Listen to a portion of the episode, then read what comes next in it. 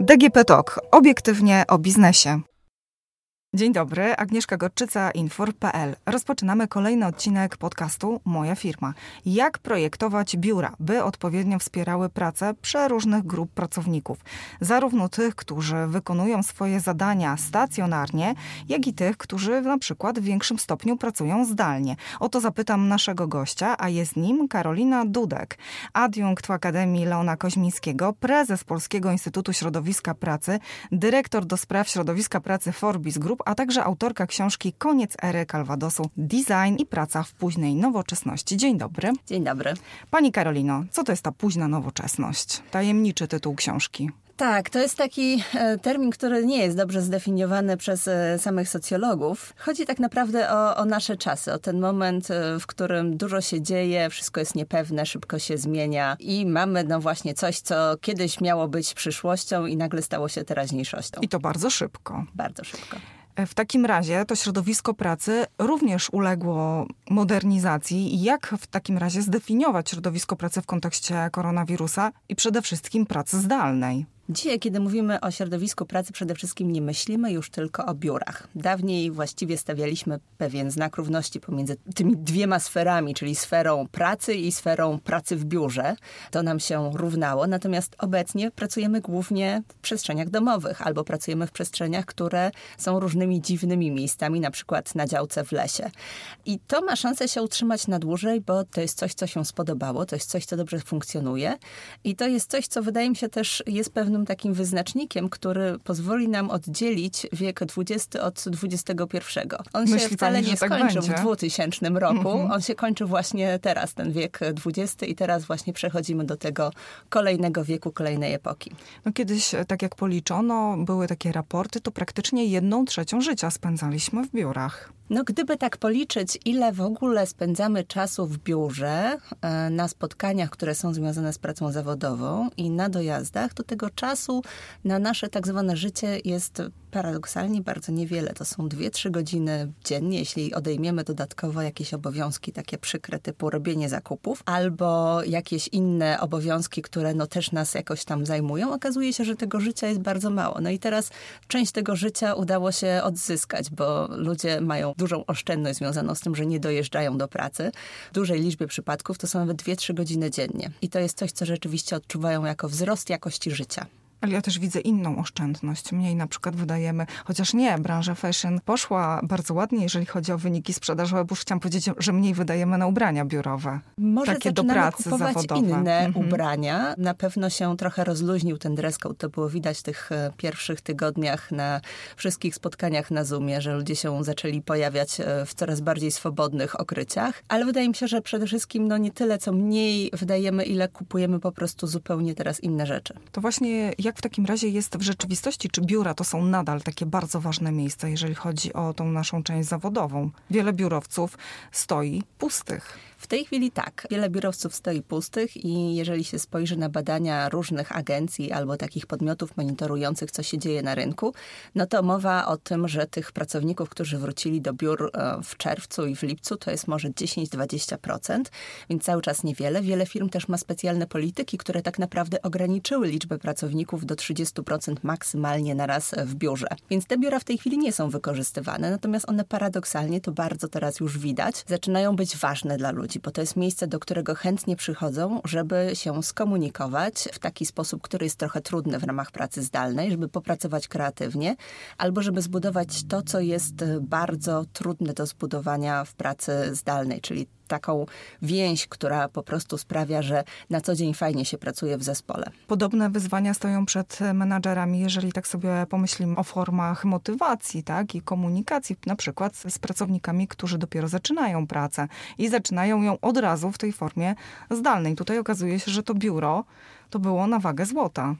Tak, i co gorsza, część tych ludzi dopiero po kilku tygodniach albo wręcz miesiącach zobaczyła osoby, dokładnie tak. kogokolwiek, e, dlatego że część organizacji, które wykorzystują połączenia zdalne, wykorzystują połączenia jedynie głosowe. W związku z tym nawet nie było tego kontaktu wzrokowego przez monitor.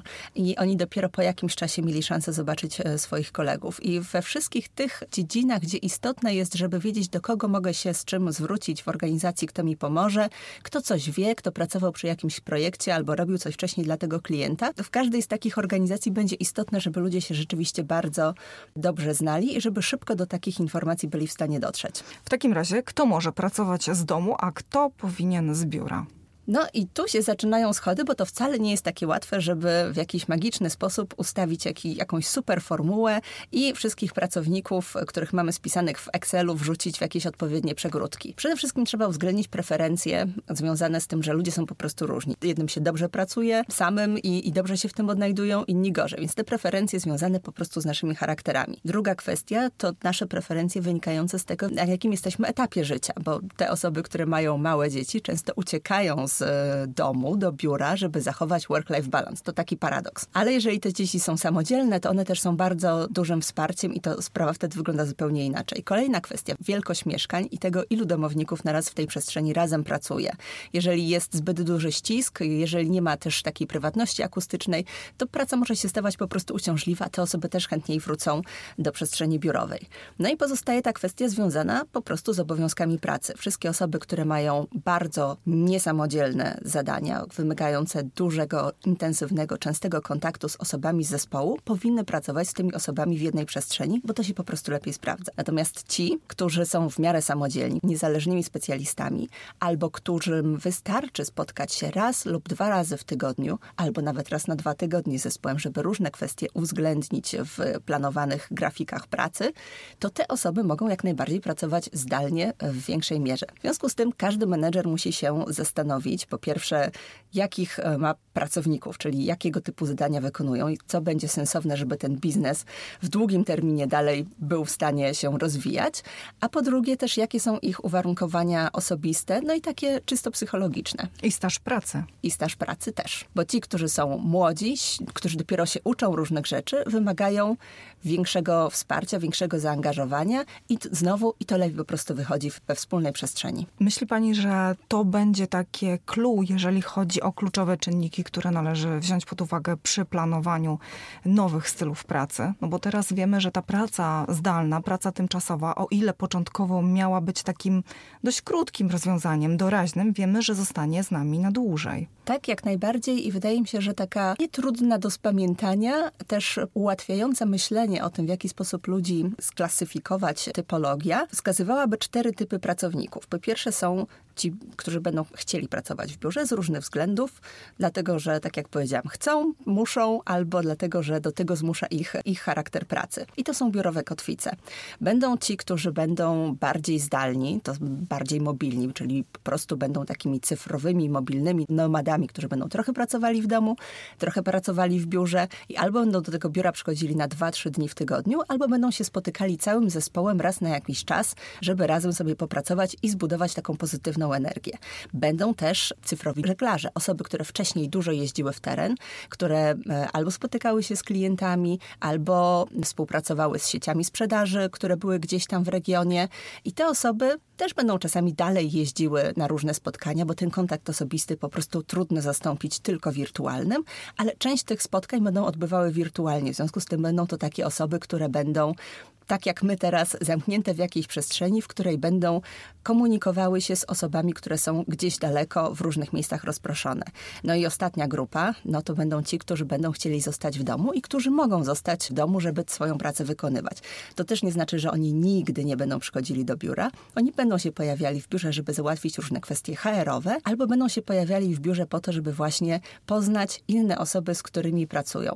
I będą to osoby, które do tego biura będą przychodziły raz w miesiącu, kilka razy w kwartale, a może też pojawi się zupełnie nowy sposób myślenia o integrowaniu ludzi i będą to osoby, które będą wyjeżdżały na workation, czyli takie wakacje połączone z pracą, ze swoim zespołem, żeby się lepiej poznać i żeby zbudować energię, która pozwoli im razem działać przez kolejny na przykład pół roku. Więc takie nowe pomysły dopiero zaczynają się rodzić, ale widać, że to, że ludzie myślą w organizacjach o tym, jak w długim terminie można te zespoły dalej budować, jak zachować tę energię, jak wykorzystać to, co dobrego mamy w pracy zdalnej, ale jednocześnie też zrównoważyć wszystkie minusy, które już po tylu tygodniach widać, to wszystko pokazuje, że wszyscy myślą o tym, że ta praca zdalna rzeczywiście z nami dłużej zostanie i że w ogóle to jest sensowne, żeby pracować zdalnie bez względu na to, czy ten wirus będzie dalej nas prześladował, czy nie. No miejmy nadzieję, że nas tak nie będzie prześladował, ale wyjaśnijmy w takim razie, co oznaczają biura przyszłości. Jak one, Pani zdaniem, będą wyglądały? Tu można puścić wodze fantazji i powiedzieć, nie że... Nie ograniczajmy się. Nie ograniczajmy się, że to będą miejsca, w których ludzie będą właśnie przychodzili, żeby zbudować społeczność danej organizacji. Czyli nie będą tam przychodzili po to, żeby wykonywać pracę operacyjną, odpowiadać na maile, a przynajmniej nie w takim stopniu, w jakim to było w XX wieku, tylko będzie to miejsce, w którym będą się uczyli, w którym będą budowali energię, energię, w którym będą poznawali nowe osoby z innych działów, nie tylko ze swoich zespołów. W związku z tym to biuro przyszłości ma szansę stać się po prostu taką wielką kawiarnią, w której ludzie się spotykają. Oczywiście będą też przestrzenie, które będą wspierały pracę rozproszoną, czyli te wszystkie super miejsca, takie jak to, w którym siedzimy, które są odpowiednio wygłuszone, które zapewniają komfort akustyczny, które zapewniają odpowiednią jakość dźwięku i w związku z tym wspierają tę pracę rozproszoną, wspierają uczenie na odległość, e, wspierają wspólną pracę kreatywną, kreatywną na odległość. Tego wszystkiego sobie w domach po prostu nie zapewnimy. I to technologia będzie nas ściągała do biura.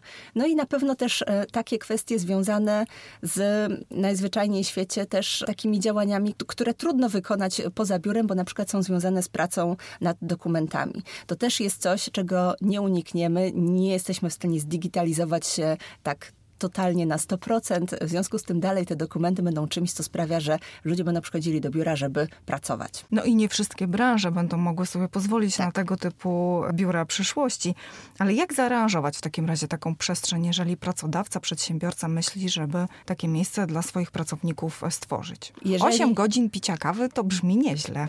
To brzmi nieźle, ale te 8 godzin picia kawy to byłoby pewnie raz w miesiącu albo raz na kwartał. Natomiast e, jeżeli nie nie będziemy aż tak bardzo szaleć, tylko bardziej się tak e, zachowamy konserwatywnie, to w zasadzie, żeby wykorzystać te plusy pracy zdalnej, plusy pracy z biura i stworzyć to biuro przyszłości nie na jakąś odległą przyszłość i nie bardzo ekstrawaganckie, tylko takie bardzo bym powiedziała przyziemne, to musimy pomyśleć o trzech kwestiach. O tym, żeby zapewnić odpowiednie wsparcie dla tych konserwatywnie pracujących w biurze. Im dalej potrzeba to, czego im było potrzeba przez ostatnie lata, czyli po prostu ergonomicznego stanowiska pracy. Po drugie, musimy zapewnić wsparcie dla tych, którzy będą tymi cyfrowymi żeglarzami, którzy będą prowadzili dużo różnych spotkań online, czyli odpowiednio przygotowane salki konferencyjne. Musimy też e, wesprzeć pracę zespołów rozproszonych, czyli pracę taką hybrydową, wtedy kiedy część osób jest w biurze, część osób jest poza biurem. No i tu znowu technologia musi to po prostu odpowiednio wspierać, odpowiednia jakość e, dźwięku, stabilne łącza, które zapewniają efektywne przekazywanie informacji. Kolejna kwestia, musimy też zapewnić miejsca dla osób, które będą przychodziły do biura popracować raz na jakiś czas. Niekoniecznie wtedy, kiedy akurat są wszyscy z zespołów, albo które na przykład pracują w takich zespołach, które będą raczej pracowały zdalnie, ale z różnych względów akurat te osoby muszą popracować sobie w biurze. Więc to będą takie przestrzenie współdzielone, które zwykle nazywaliśmy do tej pory coworkingowymi. Więc takie przestrzenie, gdzie się współdzieli biurka, w których to przestrzeniach może można zarezerwować biurko za pomocą aplikacji. To jest kolejny element takiego biura przyszłości, bardzo przyziemnego. I ostatnia kwestia to są te przestrzenie, które można współdzielić pomiędzy zespołami. Jeżeli jakiś zespół pracuje dwa dni, cały zespół, po to, żeby się spotkać, żeby wypracować energię, żeby ustalić różne kwestie w biurze, a przez pozostałe trzy dni go nie ma, to gdyby miał taką przestrzeń przypisaną tylko dla siebie, to ta przestrzeń byłaby po prostu niewykorzystana, nieefektywne. Ale w tej samej przestrzeni możemy w takiej sytuacji zlokalizować dwa zespoły, które będą się po prostu wymieniały. Jeżeli by posłużyć się jakimś jakimś modnym angielskim słowem, to można by powiedzieć swap and flex. Czyli z jednej strony współdzielenie, ale z drugiej strony ten element wymiany pomiędzy zespołami. I to znowu pozwoli zrealizować pracę w tym nowym stylu hybrydowym, bardzo elastycznym, ale jednocześnie właśnie wykorzystać to, że biuro daje różne fajne możliwości do tego, żeby razem popracować. No to wszystko jest bardzo ciekawe, co pani mówi, a ja tak sobie myślę, że przed firmami niesamowite wyzwanie. Tak, to będzie bardzo ciekawa dekada. W biurach się będzie wiele działo.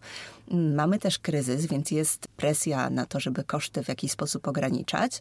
Jest też presja na to, żeby tworzyć takie strategie, które będą elastyczne i będą dawały możliwość ruchu w prawo lub w lewo, w zależności od tego, co dalej się podzieje w świecie i jak będzie nam się rozwijała epidemia. W związku z tym te właśnie formy takie hybrydowe, rozproszone, są formami po prostu odpornymi, w tym sensie, że one dają właśnie taką zdrową możliwość po pierwsze równoważenia różnych kosztów, po drugie równoważenia plusów i minusów, a po trzecie zawsze dają możliwość wyboru pomiędzy jednym albo drugim scenariuszem, nie ograniczają. I zapewniają ciągłość pracy, a na, tak tym, właśnie. na tym firmom w tym momencie najbardziej zależy. Gościem odcinka podcastu Moja Firma była Karolina Dudek, dyrektor do spraw środowiska pracy Forbis Group, a także prezes Polskiego Instytutu Środowiska Pracy. Rozmawiałyśmy o biurach przyszłości w erze post-covidowej i nowych stylach pracy, które wyłoniły się właśnie teraz, w tym czasie pandemii. Dziękuję Pani Karolino serdecznie za wizytę w studio. Dziękuję za rozmowę. Na koniec dodam, że kolejny odcinek podcastu już za tydzień będzie na Was czekał, a więcej informacji